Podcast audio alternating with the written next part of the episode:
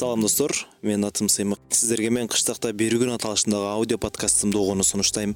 Бул долбоор аркылуу сиздер кыргызстандын түрдүү аймактарындагы кызыктуу айылдар ал жердин диалектикалык өзгөчөлүктөрү менен тааныша аласыздар эң өзгөчөлүгү мен ар бир барган айылда бир кыз менен таанышам. Анан ошол бийкеч мага айылды тааныштырууда жардам берет. Биздин подкаст сиздер үчүн ыңгайлуу жана кызыктуу болушуна ишенем. Анткени биз диалектикалык сөздөрдү толугу менен түшүндүрүп беребиз маалымат иретинде айтайын биздин бул долбоорду сиз өзүңүзгө ыңгайлуу болгон баардык форматта көрүп окуй аласыз. Ал үчүн биз тв жана сайттагы версиясын даярдаганбыз аларды сиз биздин тв youtube каналынан жана ынтымак чекит kg сайтынан кыштакта бир күн деп издесеңиз табасыз.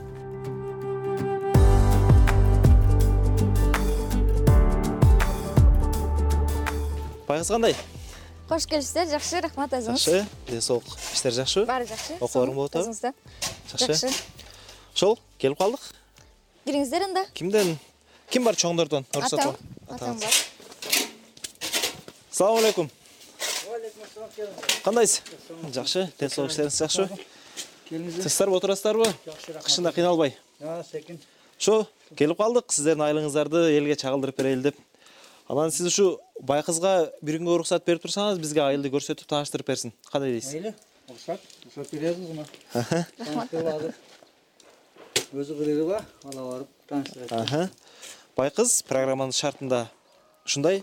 Мен эртең менен келип жумуштан баштап кечки жумуштан бүтүрүшүм керек да. Эртең менен эмне иш кылабыз азыр? Эртең менен азыр кой багабыз айылдын турмушунда. Анда кеттик кой бакка талаадан багабыз э ооба талаадан бул жак. Койлор ушунда ушул жактабы азыр биз башка жакка келдик. Ооба койлорду ушул жерде камайбыз ушул жерден бошотуп оттотобуз. Бул жерде өзү дайыма койду укам багат рустам бир тууган. Анан азыр болсо бүгүн биз багабыз. Бул жерде өзү кичинекейибизден жашап өскөн чоңойгон жерибиз ушул жер болот. И анан кызыл сарайга баргансыңар же бул жерде эле? Кызыл сарайга карай кичинекейибизге бир биринчи класска дери жетпей ага дагы. Биринчи класста ушул жерде. кызыл сарай айылына карайбы бул жер дагы? Ооба карайт. Бул жерде койлор камалуу. Ооба чыгарып. Чыгарып талаага барып оттотобуз талга кайсыл жакта? Бул жака бул жакта. Так бул жакта негизи койду кыздар кайтарышабы же балдарбы бул жерде боло берет. Кимиси бош болсо же болбосо үйдө эркек бала жок болсо кыз бала багат. Эркек бала болсо кыз баланын үйүндө иши болсо эркек бала багып турат. Ынтымакта баардыгы келишип бага беришет баардыгы бул жер? Кыздаркы да балдаркы да коро сарай. Бул жер бизде кой камала турган жерибиз болот. Атын эмне дейсиңер? Коро жана эле койкана койкана булар түнү менен чөп жештиби? Түнү менен жок чөп жешкен жок. Себеби күндүзү багылат түнүсү камалып кайрадан эртеси күндүзү чыгарылат. Азыр эмне кылабыз ушунда? Азыр койлорду бошотуп талаага алып чыгабыз ой. Мен ачайын өздөрү чыкпайбы чыгышат ооба кош. Кош. Булар бизди тааныбайт качып атат кош эй. Кош. Кош. Кош. Кош. Кош ушинтип айдап чыгыш керек окшойт да. Жакын жерге барабызбы ооба ылдыйга. Кичине ылдыйга айдайбыз азыр. Булар ушинтип төрт мезгил тең ушундай же жайындасы жайлоого кетеби? Ооба жайындасы жайлоого кетишет. А бул эмне? Бул козопая пахтанын жыгачтары пахтанын жыгачтары ооба. Демек пахтанын сабагы козопая а канча жашынан баштап кой багып үйрөнгөнсүң кичинемден баштап эле бешинчи класстан баштап. Азыр бул койлорду ортосунда алтынчы жетинчи класстарда сегизинчи класстарда бакпадым. Быйыл эле алдык. Жакында эле алганбыз бул койлорду. Ошо. Так кичинекейимден бери эле. Кичинекейиңден бери да оңой элеби негизи багыш оңой эле. Байкыз айтсаң өзү аилели эмне менен тиричилик кылышат бул жакта? Айылдагы элдер дыйканчылык мал чарбачылык кой багышат мал багышат. Жана дыйканчылыктан азыркы учурда көп эле беде арпа буудай анча мынча дарбыз пияз эгишет эгебиз дагы? Пахта мака эгилет дарактардан? Дарактардан болсо өрүк э, кызыл сарайдагы өрүк конкиляс шабдалы анар деле бар. Анар дагы өсөт. Турма дагы өсөт. Элдер кышындасы эмне менен алек болушат? Азыр кыш кар жаап койду эмне менен алек болушат? Кышындасы элдер бизге окшоп кышындасы кээ бирлер ушинтип койлорун сыртка багышат. Көп кар жаагычейин анан анча мынчалар болсо үйдө эле чөптөрдөн берип беде бедеден беришет азыр демек баары эле койлорун үйүнө камап коюп бедеден салып ооба үйдө азыр чай ичип отурушат. Үйдө от жагып отурушат. Жаштар эмне менен элек жаштар үчүн мындай шарттар барбы? Мисалы эс алуу зонасы башка нерселер. Эс алуу зонасы мисалы кандай? Азыр эмне кылып эс алса болот жаштар айылда? Только үйдө газон бар мектепте. Топ ойношот. Топ ойношот ошол эле. Ооба ошол эле. Жайындасычы башка мезгилдечи бассейн жайында биздин айылда бассейн жок тилекке каршы башка жакынкы айылдарда бар. Бирок бизде жок. Ошол жака барышабы ошол жака барып э, чөмүнүп жуунуп келишет. Жакшы. Айылдагы жумуштар кыздардыкы балдардыкы болуп бөлүнөбү? Жок кыла алганы кылып кете берет. Баардык ишти кыз деле кыз эркек баланыкын эркек бала эми кыз өзүнүн эле иштерин кылышат бирок баардыгы бирдей бир кыз бала үй ишин? Бөлүнбөйт бөлүнбөйт? Жок. Жалпысынан бирдей эле. Баардыгы бирдей эле. Эми эркек бала кыз баланын ишин кылбайт э, албетте. Бирок кыз бала эркек баланын ишин кылып кете берет. Эмнеге эми үйүндө эркек бала жок болсо же болбосо бир жакта эркек баланын иши болсо. Ошондо кылып кете берет. Кылып кете берет баардыгын кыла алышат. Жакшы кыздар деп калдык. Кыздарга кырк үйдөн тыюу дейт. Э, бизде чектөөлөр аябай эле көп деп айтып эле келатышат. Бул жакта деле кыздарга чектөөлөр барбы? Көчөгө чыкпа мисалы азыр экөөбүз чогуу жүрөбүз ушинтип чогуу баспа деген сыяктуу.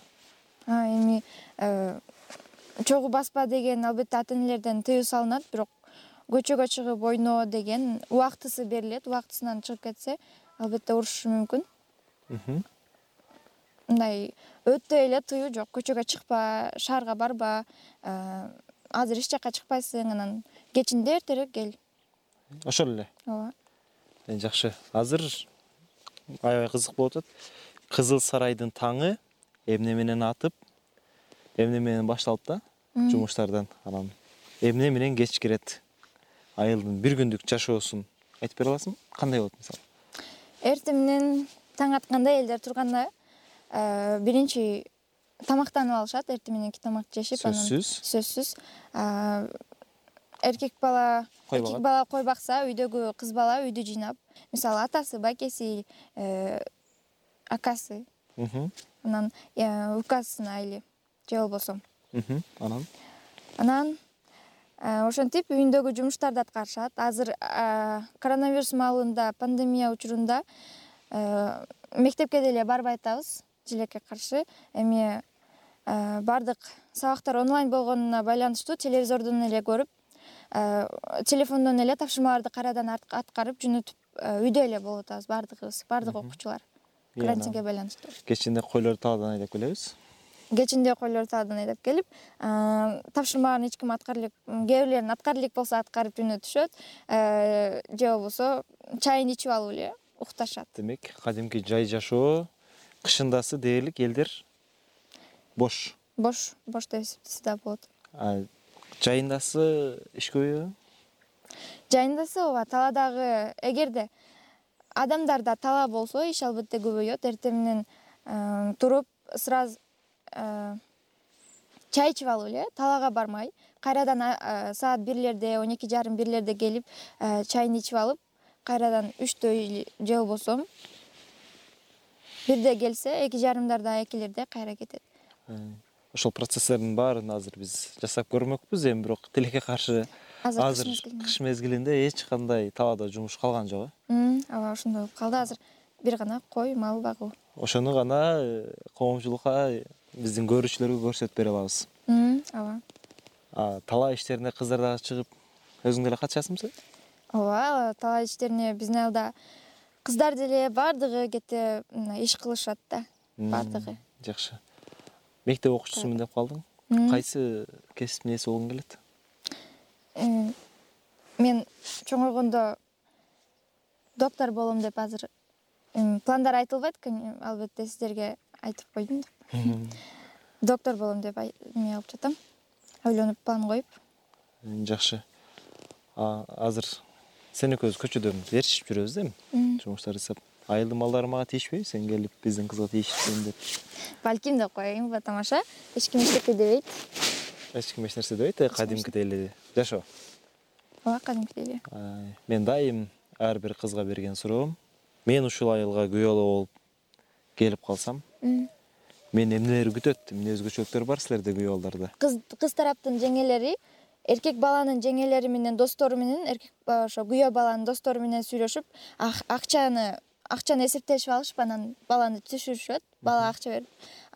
Түшкөндөн кийин күйөө балага сары май жедиришет сары май окшош ооба анан күйөө баланы үйгө чакырышып үйдөн анын астына жаңы кабат кабат кылып төшөктөрдү коюшат тигүнү анан андан кийин кичине чай ичип алып туруп кайрадан кызга барып кызды кыз менен эми кыздын келин кыздын жеңелери менен эркек баланын жеңелери достору эсептешишет. Эми кызды чыгарууга. Анан ошол жерде эми ар кандай оюндарды кылса болот. Мисалы кыздын досторун отургузуп туруп алардын үстүнө жоолук таштап. Ушундай оюндар ойнолот ооба ойнолот мына өзүнүн өзүнүн келечектеги жубайын ошол табыш керек болот да. Аялын жоолуктардын арасынан мынол мынол деп анан ошентип чыгарышып ошентип анан кете берет. кете берет кыланат. күйөө балдарды сынап көрмөй салты барбы жокпу себеби биз көп аймактарды кыдырдык күйөө балдарды ар кандай кылып сынап көрүшөт экен? Отун жардырышат экен бир жерде кээ бир аксыга биз жалал абадка барганда атты токутуп ат миндирип көрөт экен.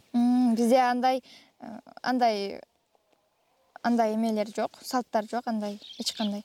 Антип күйөө баланы кыйнабайсыңар. Ооба күйөө бала келгенде эми өзүнүн баягы кыздар менен аялы менен баягы кабинетте чай ичишет го комнатасында бөлмөсүндө. Анан чай ичип атканда бул жактан балдыздары же болбосо ошол үйдүн тургундары баягы күйөө баланын бут кийимдерин бекитиши мүмкүн. Бекитип коет э? Бул жалпы окшош баардык жерде анан да эң кызыктуусу калың канча? Калың эми жүз миң. Жүз миң жүз элүү миң. Акча. Эки жүз миңге чейин ошол эле акча болду. Ооба. Башка эч нерсе эмес. Жок. Мал берилет же болбосо мындай кой же бир торпокпу ошондой берилет торпок берилет. кошулуп берилет. Демек кыздарга жүз элүү миң акчаң болсо кызыл сарайдан кыз алып кетебиз. Эки жүз миң деп болот ошол эки жүз миң. Жаңы келген келиндерге кандай өзгөчөлүктөр бар? Эртең менен чыгып көчөнү шыпырыш керекпи? Кандай? Андай өзгөчөлүк деле жок. Келин болуп келсең өзүңдүн үйүңө таза кармап туруу ошол эле. Ошол эле. айырмасы жок. Жакшы азыр биз кой багып атабыз бирок койлор кайра биз жака карап келатат кой багыш? Оңой элеби оңой эле кой багыш? Албетте эгерде башка жака өзүңдүн талааңдан башка жака чыгып кете турган болсо аны айдап келесиң анан ушундай бизге окшоп биздин койлорго окшоп акылдуу болуп өзүңдүн жерде оттой беришсе отура бересиң. Китеп окуйсуң же болбосо кой бакканча китеп китеп окуп же болбосо телефон чукулап отурасың. Жакшы. Кой баккан кызыктуу экен да анда э кой багып эми. Бул деле бир иш. Кызыктуу деле. кызыктуу деле эмес оңой деле эмес. Кыйын деле эмес. Кыйын деле эмес. Азыр эми убакыт өттү кыйла эле. Ооба айдап эме кылсак деле болот камасак деле болот камасак деле болот э андан кийин үйгө барабыз. Чөп салабызбы ооба камагандан кийин азыр мака беребиз жем. Жем берип коебуз анан үйгө кетебиз. Бизге айылдын тарыхын айтып берген бирөө керек. Шакира бар. Ошонун үйүнө барып анан сени үйүңө узатып коем. Азыр эмне кылабыз ушунда? Азыр мака беребиз буларга жем беребиз кайсыл жакта? Мака ал жерде даярдап даярданганы бар. Бересизби кандай кылып салып кете бересизби ооба баарына бирдей кылып тегиз кылып